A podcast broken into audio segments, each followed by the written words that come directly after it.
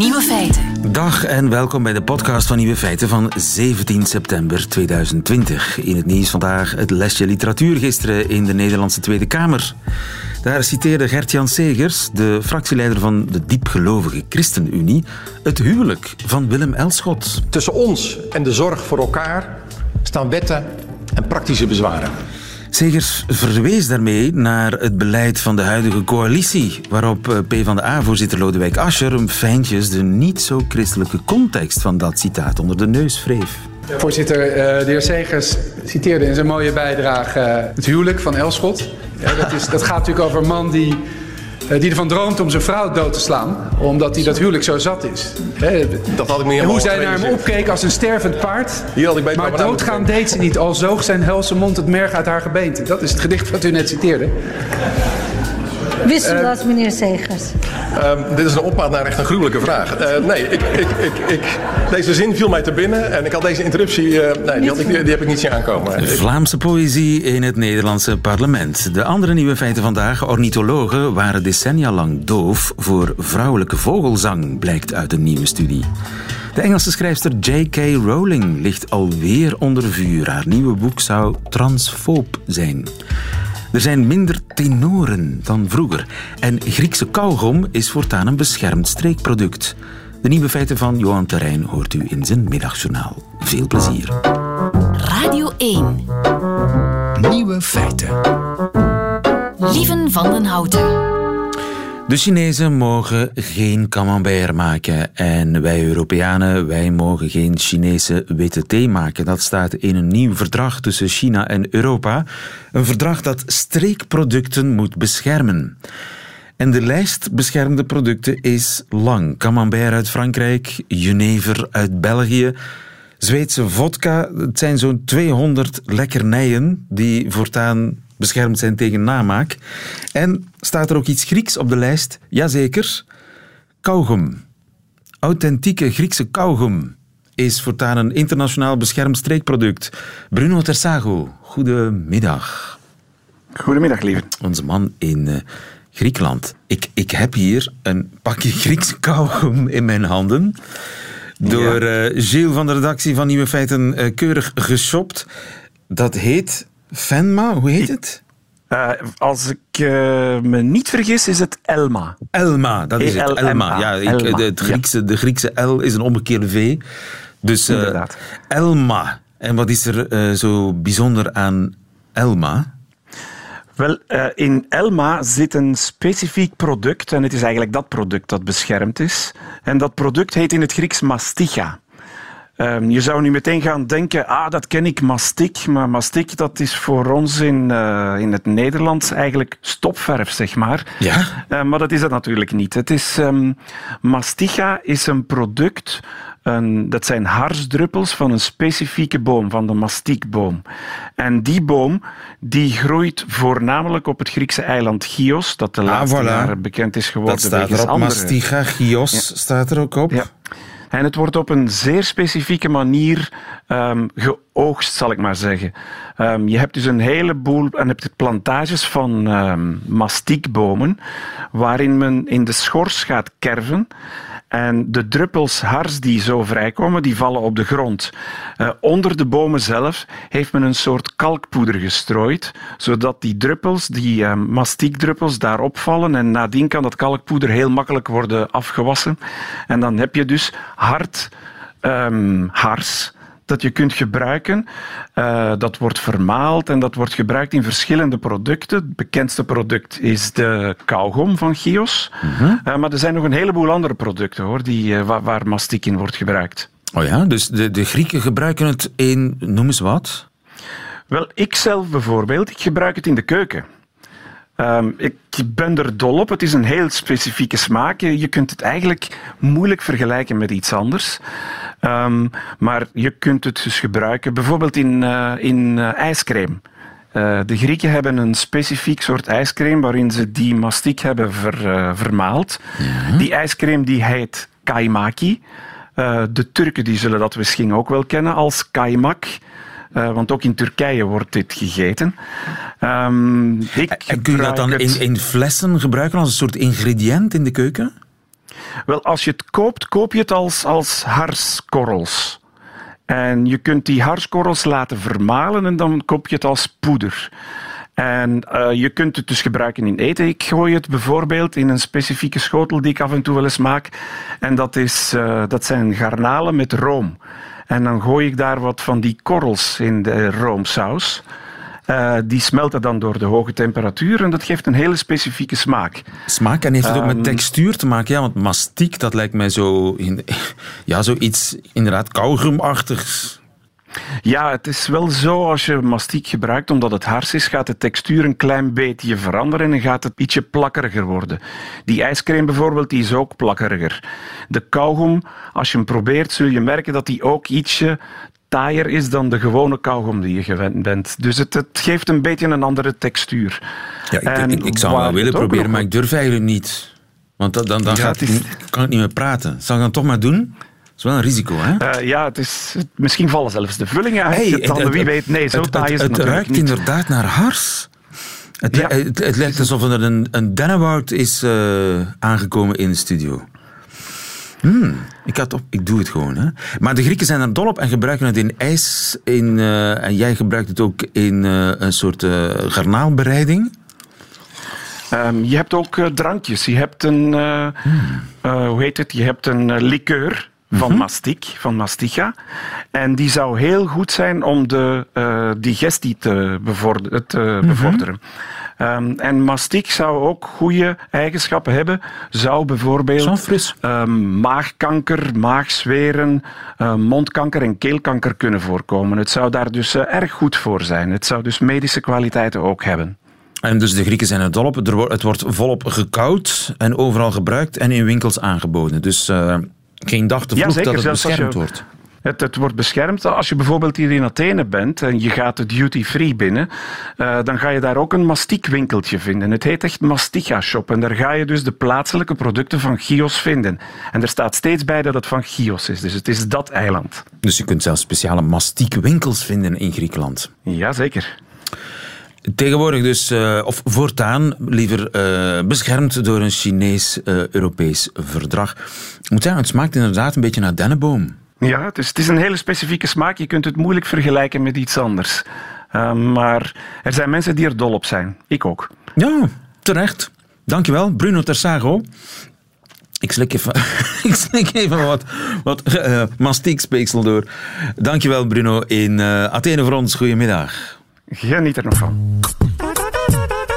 Nieuwe feiten.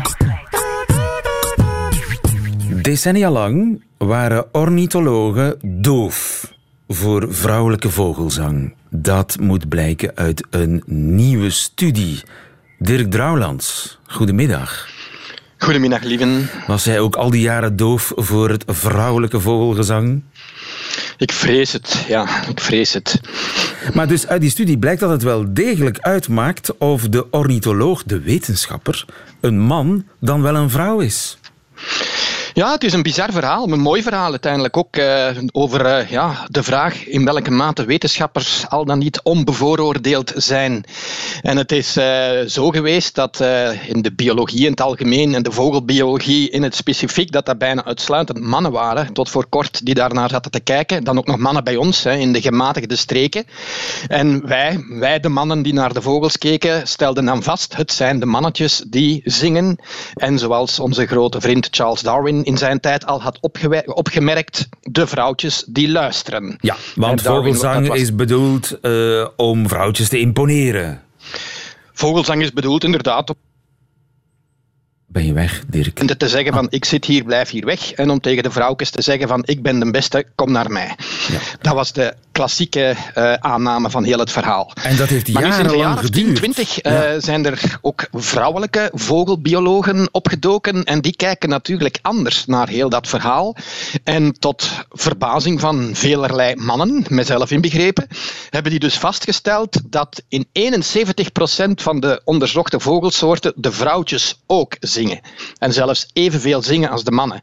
En dat is dan toch wel een heel verrassende ommekeer van het, uh, van het, van het denken daar daarover. En het, de studie heeft dus eigenlijk nagegaan in welke mate is het feit dat het vrouwelijke auteurs zijn verantwoordelijk voor deze, wat men noemt, paradigma shift in het nadenken over vogelzang. En ze hebben ontdekt dat in de studies die specifiek over vrouwelijke vogelzang gaan, de eerste auteur in 68% van de gevallen een vrouw was, terwijl dat in het geval van vogelzang in het algemeen amper 44% is. dus je moet eigenlijk bijna een vrouw zijn, bij wijze van spreken, om ook op te merken dat vrouwelijke vogels ook kunnen zingen. Dat zegt iets, hè? Dat zegt iets over, over de wetenschappers. Dirk, ik, ik geloof dat je af en toe wegvalt. Ik herhaal gewoon mijn vraag. Eh, dat zegt toch iets over ons, uh, over vrouwelijke en mannelijke wetenschappers? Ja, dus dat is dat onderscheid. Ik was u even kwijt, lieve, maar ik hoorde nu terug. En, uh, en uh, men heeft nu, uh, men heeft nu, ja inderdaad, ik heb dat zelf ook al wel gemerkt vroeger hoor. Men heeft bijvoorbeeld vastgesteld dat in de tropen de meeste vogels, zowel bij de meeste vogelsoorten, zowel de mannetjes als de vrouwtjes zingen. Die zijn ook dikwijls heel gelijk in kleuren, heel opvallend dikwijls ook van kleuren, en die zingen dikwijls in duetten. We hebben dat eens zelf vastgesteld en dat wij op de, de rivieren van het, in het regenwoud van Congo aan het varen waren. Daar hoorden wij vishuilen langs de rand van die rivieren zitten en die zongen echt in duet. Zo oeh, zei de ene en dan 100 meter verder zei de andere hoe. Oeh, hoe. En, uh, en de, de, mannelijke bioloog in mij die zei dan onmiddellijk van ja, het zijn de mannetjes die eerst zingen en de vrouwtjes die antwoorden, maar voor hetzelfde geld is het natuurlijk andersom. Hè. Dus er zijn op dit moment geen zekerheden meer in dat verhaal. Ja, en zingen de vrouwtjes dan ook in een soort van paringsritueel? Ze zingen eigenlijk om dezelfde reden als de mannen. Dus ze zingen zowel om het territorium af te bakenen als om te communiceren met, uh, met mannen. En men gaat er nu eigenlijk een beetje vanuit dat het uh, feit dat mannen en vrouwen in de vogelwereld allebei samen zingen, dat dat eigenlijk de regel is en dat hetgeen dat bij ons gebeurt, namelijk Komt terug. Dingen, dat dat eigenlijk achteraf als een vorm van, van afwijking is, uh, is ontstaan.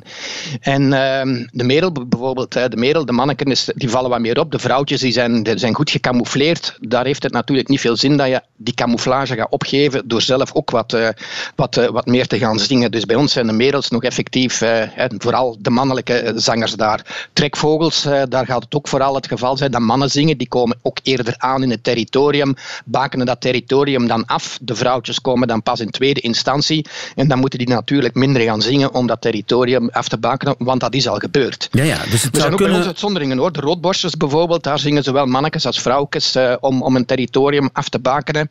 En mijn grote vrienden, de hegemussen, dat zijn kleine bruine vogeltjes die in onze tuinen scharrelen en die uh, opvallen door een ongelooflijk um, uitbundig en gevarieerd seksleven. Daar zouden de vrouwtjes ook evenveel zingen als, uh, als de mannetjes, ook als een vorm van onderlinge communicatie om die ingewikkelde structuur rond die seksualiteit die ze hebben toch een klein beetje te stroomlijnen. Ja, dus uh, vrouwelijke vogels zingen evenveel als uh, mannelijke vogels. En het zou kunnen dat in de loop der uh, evolutie dat in bepaalde gevallen, bij bepaalde soorten, dat vrouwelijke gezang er wat uitgeselecteerd is. Dat heb ik toch goed begrepen, hè? Communicatie loopt een beetje moeilijk. Ja, dus nu hoor ik het terug, lieve. Ja, ik, was ja. weer, ik was u weer maar kwijt. Ik, ja, ik denk dat we de essentie van het verhaal heel goed begrepen hebben, Dirk Drouwlands. De Skype doet een beetje raar vandaag. Uh, ik denk dat we het best daarbij houden, maar we hebben het heel goed begrepen. Dankjewel, Dirk. Tot de volgende. Ja, dag. Dag. Radio 1. Nieuwe feiten. Tegenwoordig zingen er ook vrouwen mee in een mannenkoor. Dat bleek vorige week in het journaal. Zes maanden hebben de koorleden niet gezongen. Nu mogen ze weer, maar niet allemaal samen. Daarom oefenen ze per stemgroep. Vandaag zijn de tenoren aan de beurt, versterkt met enkele vrouwelijke tenorinas.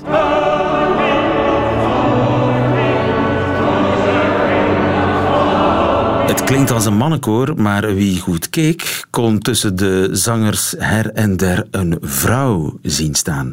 Blijkt dat er niet genoeg mannen zijn die de tenorpartij kunnen zingen.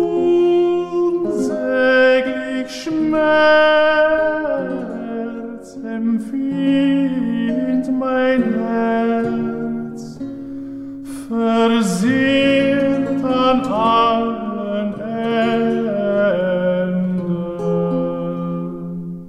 vind het zonde dat ik dit moet onderbreken.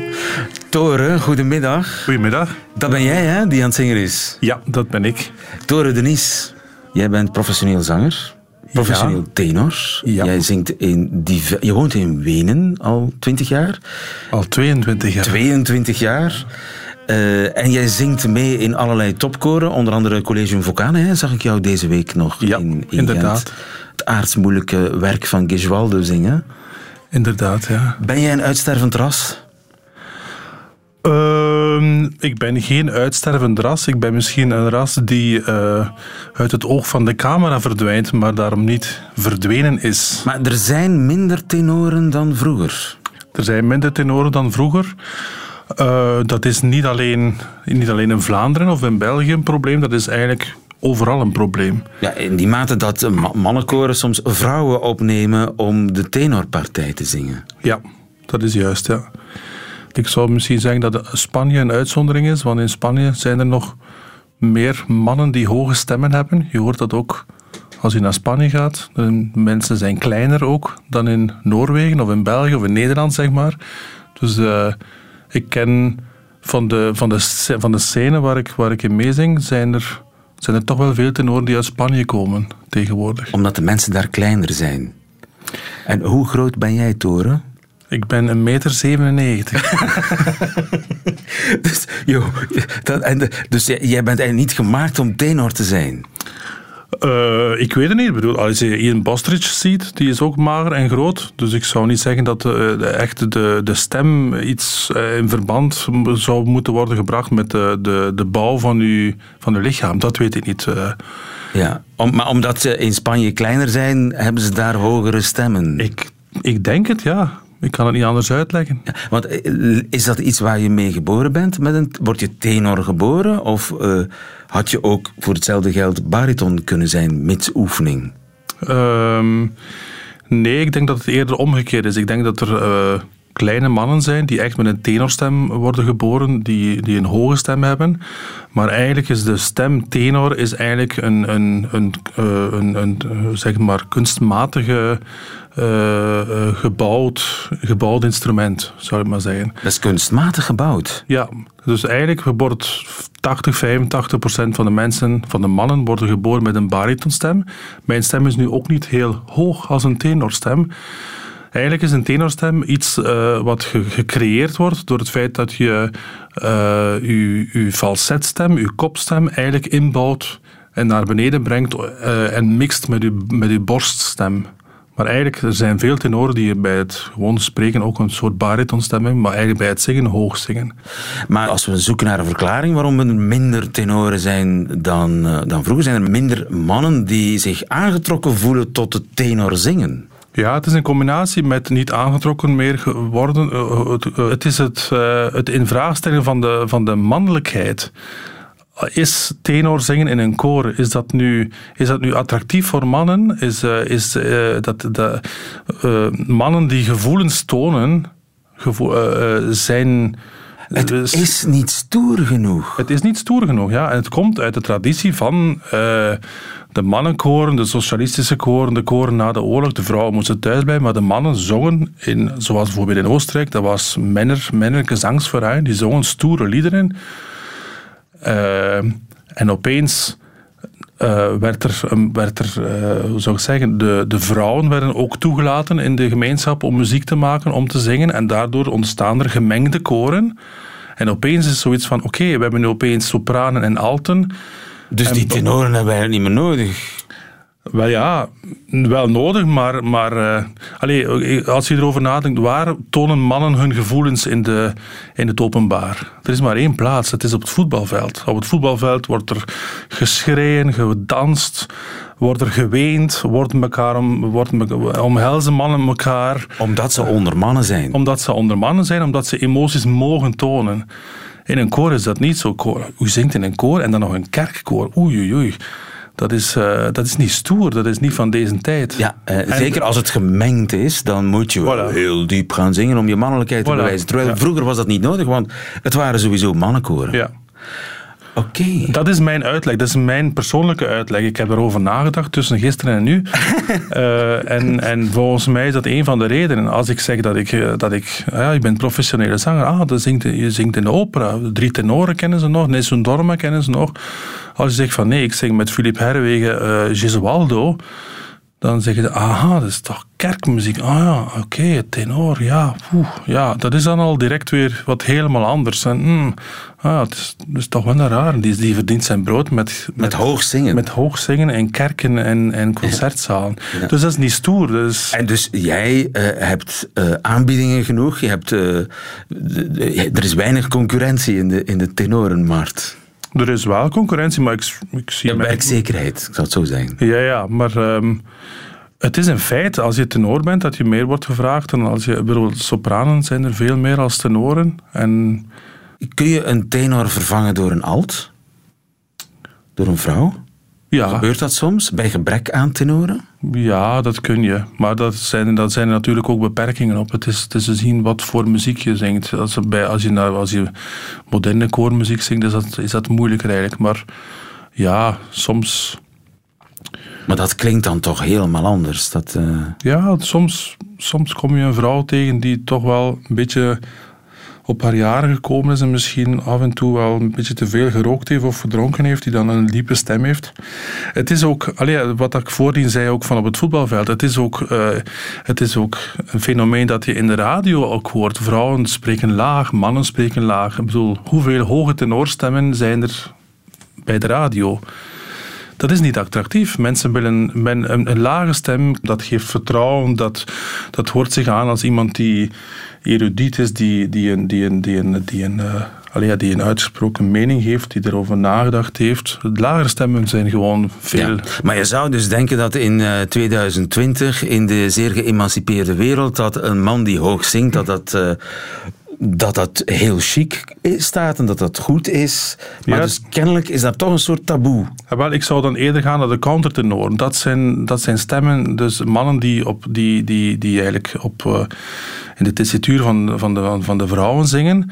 Dat klinkt heel... Dat is... Uh, zou ik zeggen, dat is zo niet van deze wereld dat het heel mystiek is. En, en, en ik denk dat dat het, het, het, succes van countertenor nu, de dag van vandaag, er, worden, er komen er altijd maar meer die, die echt heel goed zijn en die heel bekend worden.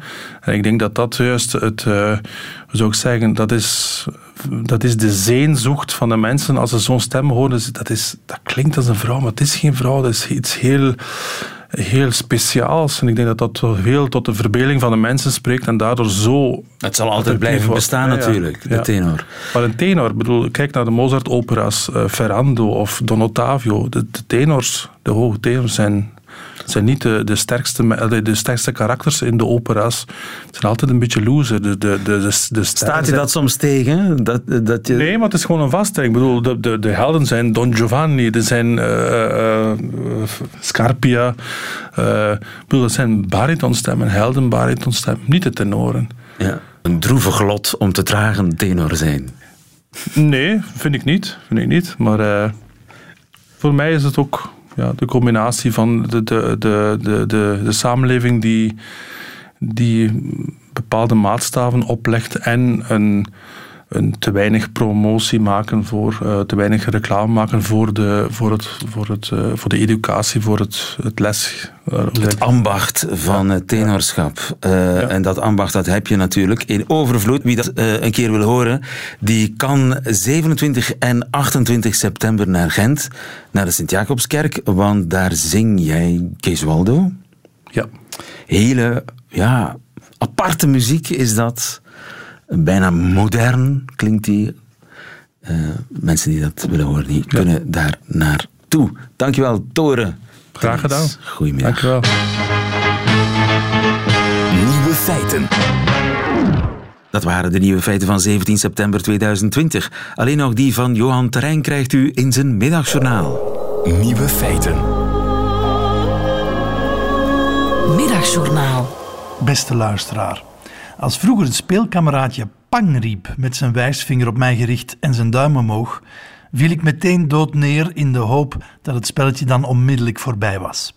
Ik weet het, oorlogjes spelen hoort er van oudsher bij, maar ik kreeg er de vallende ziekte van. Ik ben ook geen gamer. Ik kan alleen maar hopen dat zij die uren na elkaar mensen virtueel afknallen zich wat hebben kunnen afreageren. Het enige dat ik weet is dat ik zelf na een paar spelletjes Ruzzle op mijn smartphone helemaal doorgedraaid ben. Een stressduim krijg ik van dat gevecht met die letters. Een stressduim die nog een kwartiertje nastuipen heeft. Ik doe het nooit meer voor het slapen gaan of het lijkt alsof er zich andere dingen onder die lakens afspelen. Maar goed, dat gaat altijd weer voorbij. Maar als ik op zaterdag de hele tijd met mijn vinger een artikel in de papieren weekendkrant zit aan te klikken, dan weet ik dat er iets fout zit.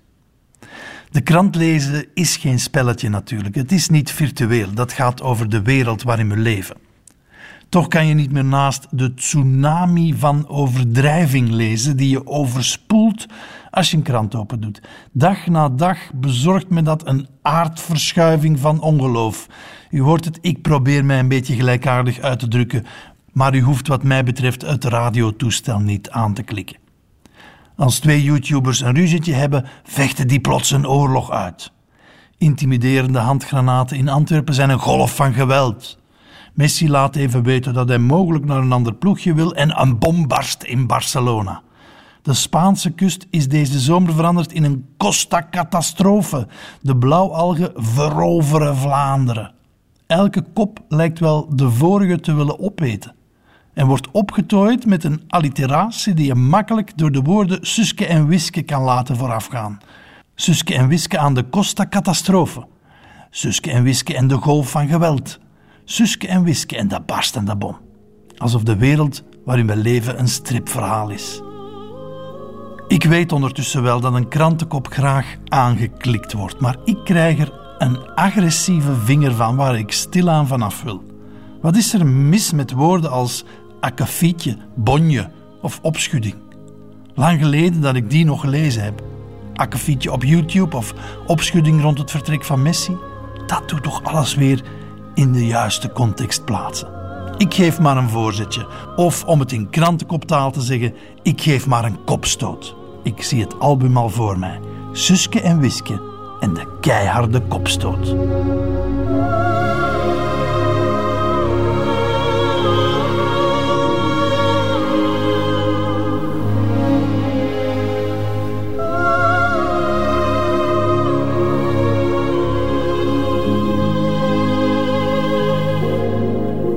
Het middagjournaal met Johan Terrein. Einde van deze podcast. Hoort u liever de volledige uitzending van Nieuwe Feiten? Ga dan naar onze site of naar onze app. Daar vindt u overigens nog veel meer Radio 1 podcasts. Tot een volgende keer.